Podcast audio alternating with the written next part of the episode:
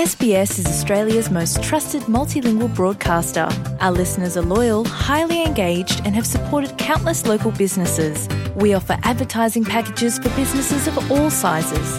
Our experienced sales team will guide you through the process of owning a great campaign. Bring your own ad or have our production team make you something in one of our 68 languages. Start the conversation with your new audience today. Email sales at sbs.com.au.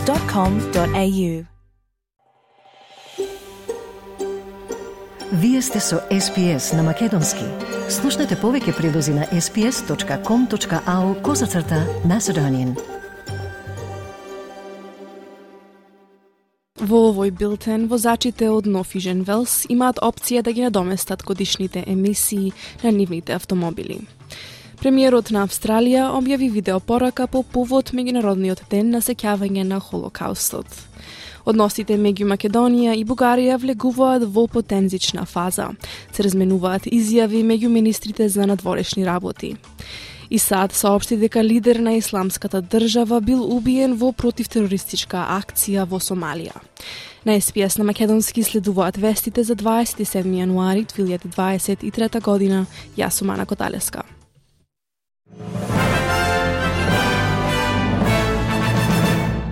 Возачите од Нофижен Велс имаат опција да купат кредити за јаглерот за да ги надоместат годишните емисии на нивните автомобили при плаќање на даноците за регистрација. Просечниот автомобил генерира околу 2,4 тони емисии секоја година, но благајникот Мат Кин вели дека тоа може да се надомести со купување на австралиски кредитни единици за јаглерот, кои ќе бидат генерирани преку проекти за намалување на емисиите низ Австралија. Тој вели дека Нофижен Велс е првата држава што ја нуди оваа опција, како дел од својот патоказ кон чиста енергија. This gives people the opportunity to offset their carbon emissions in a very practical way. So, this is again exactly what the Liberal National Government's about. It's enabling people to take practical steps to protect our environment, to reduce our carbon emissions, but also grow our economy and protect our biodiversity. Премиерот на Австралија објави видеопорака по повод Меѓународниот ден на сеќавање на Холокаустот. Во пораката објавена на социјалните мрежи, Антони Албанезе го нарече денот како можност за сеќавање за оние кои загинале и оние кои преживеале. Тој вели дека многу од преживеаните се преселиле во Австралија по Холокаустот. Господин Албанезе вели дека е важно да се осигураме дека идните генерации ја познаваат таа историја, бидејќи стапката на вербални и физички напади врз евреите се зголемува низ целиот свет. Anti-Semitism is on the rise, but it will not find a home here. Australia will always denounce it and reject it utterly, just as we do all forms of racism and prejudice. We owe it to our country, we owe it to our Jewish community, and we owe it to our survivors. They deserve nothing less. Главната министерка на Северната територија го критикуваше сојузниот лидер на опозицијата за неговиот став кон криминалот во Алис Спрингс и воспоставувањето на гласот на домородните луѓе во парламентот. Питер Датлен тврди дека воспоставувањето на гласот во парламентот нема да придонесе кон намалување на криминалот и еднаквост во територијата, како и во другите заедници со големо домородно население. Но Наташа Флайз вели дека лидерот на либералите го поставува гласот на домородните луѓе како друго ниво на влада. Таа вели дека верува оти коалицијата, цитат, игра игри. Let's be clear, they're playing political games. They haven't even, Peter Dutton hasn't even been to the territory for the past few weeks, yet he's sat on the East Coast uh, and tried to make out uh, that uh, he uh, knows best. But what we need is all levels of government working together. This is multifaceted. Uh, it is uh, focusing on allowing local decision making, and I think the voice is extremely important.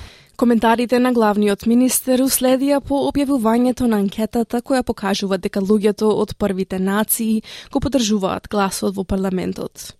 Членот на работната група за референдумот, Пат Андерсон, застапник за здравието на домородните жители, вели дека нивното истражување сугерира дека 80% од анкетираните домородни луѓе ја поддржуваат реформата и покрај цитат главните приговори од страна на малцинството. Нова студија покажа дека болничарите во Викторија имаат повисока стапка на повреди поврзани со работата во споредба со другите работници. Студијата на Универзитетот Монаш, објавена во списанието Pre-Hospital Emergency Care, покажа дека околу една третина од државните болничари претрпеле повреди на работното место, со нешто повеќе од 7500 повреди пријавени во период од 6 години. Работата со раце проследено со психолошки стресови, се водечки причини за повреди. Весникот откри дека околу 28% од тие повреди довеле до отсуство од работа. Властите ќе започнат истрага за напад на крокодил врз човек на оддалечен имот за стока во северната територија. Се очекува Northern Territory WorkSafe да го испита инцидентот, во кој човекот се здобил со сериозни повреди во близина на реката Дейли, околу 220 км јужно од Дарвин. Тој бил опериран од добиените повреди во болницата Royal Darwin Hospital. Полицијата вели дека мажот се здобил со сериозни рани, но дека тие не се опасни по живот. Австралија е повикана да ја зголеми воената и економска поддршка за Украина, додека другите нации ветуваат повеќе помош. Украинскиот амбасадор во Австралија, Васил Мирошниченко, рече дека и Полска, Финска и Холандија ја разгледуваат можноста да испратат тенкови во Киев, а тој би ја поздравил дополнителната воена помош и од Австралија. Германија и САД вчера најавија дека ќе испратат тешки тенкови во Украина. Амбасадорот ја повика Австралија да ги поддржи и другите програми, вклучително и украинската програма за извоз на жито, која ќе им помогне на посиромашните нации во Азиско-Пацификот, кои се соочуваат со несигурност на храна. Амбасадорот изјави за ABC дека меѓу другото на Украина и се потреби повеќе Bushmaster оклопни возила. There some items are very specific, some are more general, uh, but they've been out there. There is a list which could be provided by the by, by, by Australia. There are things which could be procured by Australia uh, elsewhere for Ukraine. Повеќе австралиски патници заглавиле во Јапонија по повеќе кратни одложувања на летовите на Jetstar. Nine News објави дека околу 250 патници на Jetstar чекале повеќе од 40 часа на терминалот на меѓународниот аеродром Кансаи во Осака, без кревети и со малку храна, поради откажувањето на летот што требал да ги врати назад во Кернс. Патниците опишаа дека биле принудени да ја поминат ноќта во терминалот, а температурите надвор паднале на под нула. Джетстар вели дека снежната бура во Осака го спречила екипажот на летот да стигне до аеродромот, а поради бурата и патниците не можеле да одат во хотели. Но 21 годишниот студент Джак од Брисбен за Nine News рече дека патниците останале без храна и без никакви информации. no food, anything open, so we couldn't get in to eat. We asked some food. Um, they said no. Um, the heating was turned off overnight, so it was freezing cold. It's snowing outside. We're all just wondering what's going on. Everyone's just confused. Um, feel quite angry because we haven't got anywhere to go. Шефот на македонската дипломатија Бујар Османи вчера во собранието на седните за претенички прашања рече дека потекот на официјална Софија да го повлече својот амбасадор од Македонија е неоснован. Тој рече дека Бугарија подклекнала на провокациите на тие што сакаат да ги нарушат односите меѓу двете држави, а последните активности на официјална Софија не се во согласност со договорената практика за унапредување на меѓусебните релации. Иако повикувањето на амбасадор на консултација во матичната држава е право на земјата испракач и редовна дипломатска пракса, Министерството за надворешни работи изразува жалење за ваквиот чекор кој што и сметаме дека е неоснован, неподкрепен со валидни аргументи и непропорционален. Шефот на бугарската дипломатија Николај Милков пак во вчерашното интервју за БНТ не издаде прецизен одговор. Кога бугарскиот амбасадор ќе биде вратен во Скопје, откако завчера изјави дека го повлекува на неодредено време, се додека како што рече Македонија не го подобри односот кон бугарите во земјата. Функционери од САД соопштија дека припадници на специјалните сили убиле висок лидер на исламската држава и уште 10 милитанти во северна Сомалија. Во официјалното сообштение на командата на САД во Африка се вели дека војската на САД, цитат, спроведе успешна антитерористичка операција во Сомалија, во која загина Билал Ал-Судани, клучен член на Исламската држава, задолжен за финансии во Африка и Афганистан. Според сообштението, нема повредени или загинати цивили или војници. Председателот Џо Бајден ја нареди операцијата предходно оваа недела. Во првото интервју по смртта на пензионираниот папа Бенедик XVI, папата Франциск призна дека бил критикуван од австралискиот кардинал Џорџ Пел.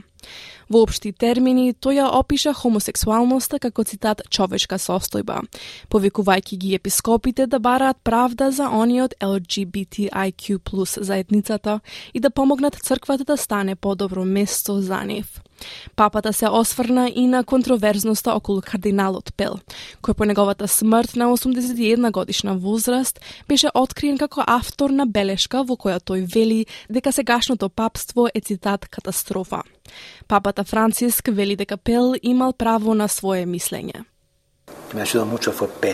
Well, he has the right to criticism. The right to criticism is a human right. But he helped me so much because he was the one who told me the economic problem is here, here, and here. He grabbed it. Then he had his own problems, where he gave so much good testimony of patience. Later he returned, but he helped me a lot. Првата дестинација на Крис Хипкинс како премиер на Нов Зеланд наверојатно ќе биде Австралија. Хипкинс треба да се сретне со својот колега Антони Албанезе подоцна оваа година, како дел од годишниот диалог на лидерите на Австралија и Нов Зеланд, кој треба да се одржи во Нов Зеланд како дел од редовната ротација. Но тој не исклучува можноста за посета на Австралија пред тоа.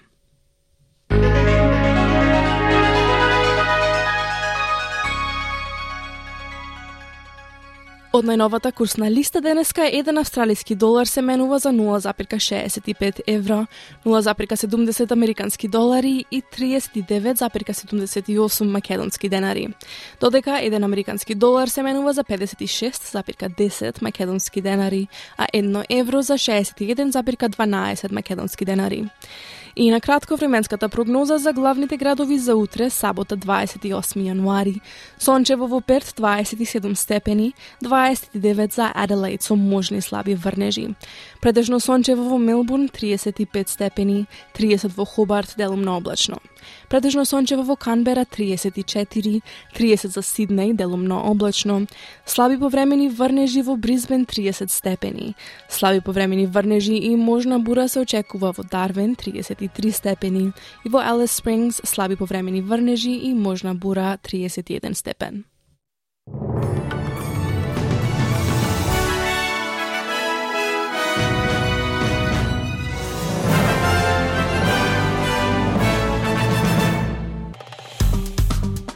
Стиснете, ми се допаѓа, споделете, коментирајте. Следете ја SPS на Македонски на Facebook.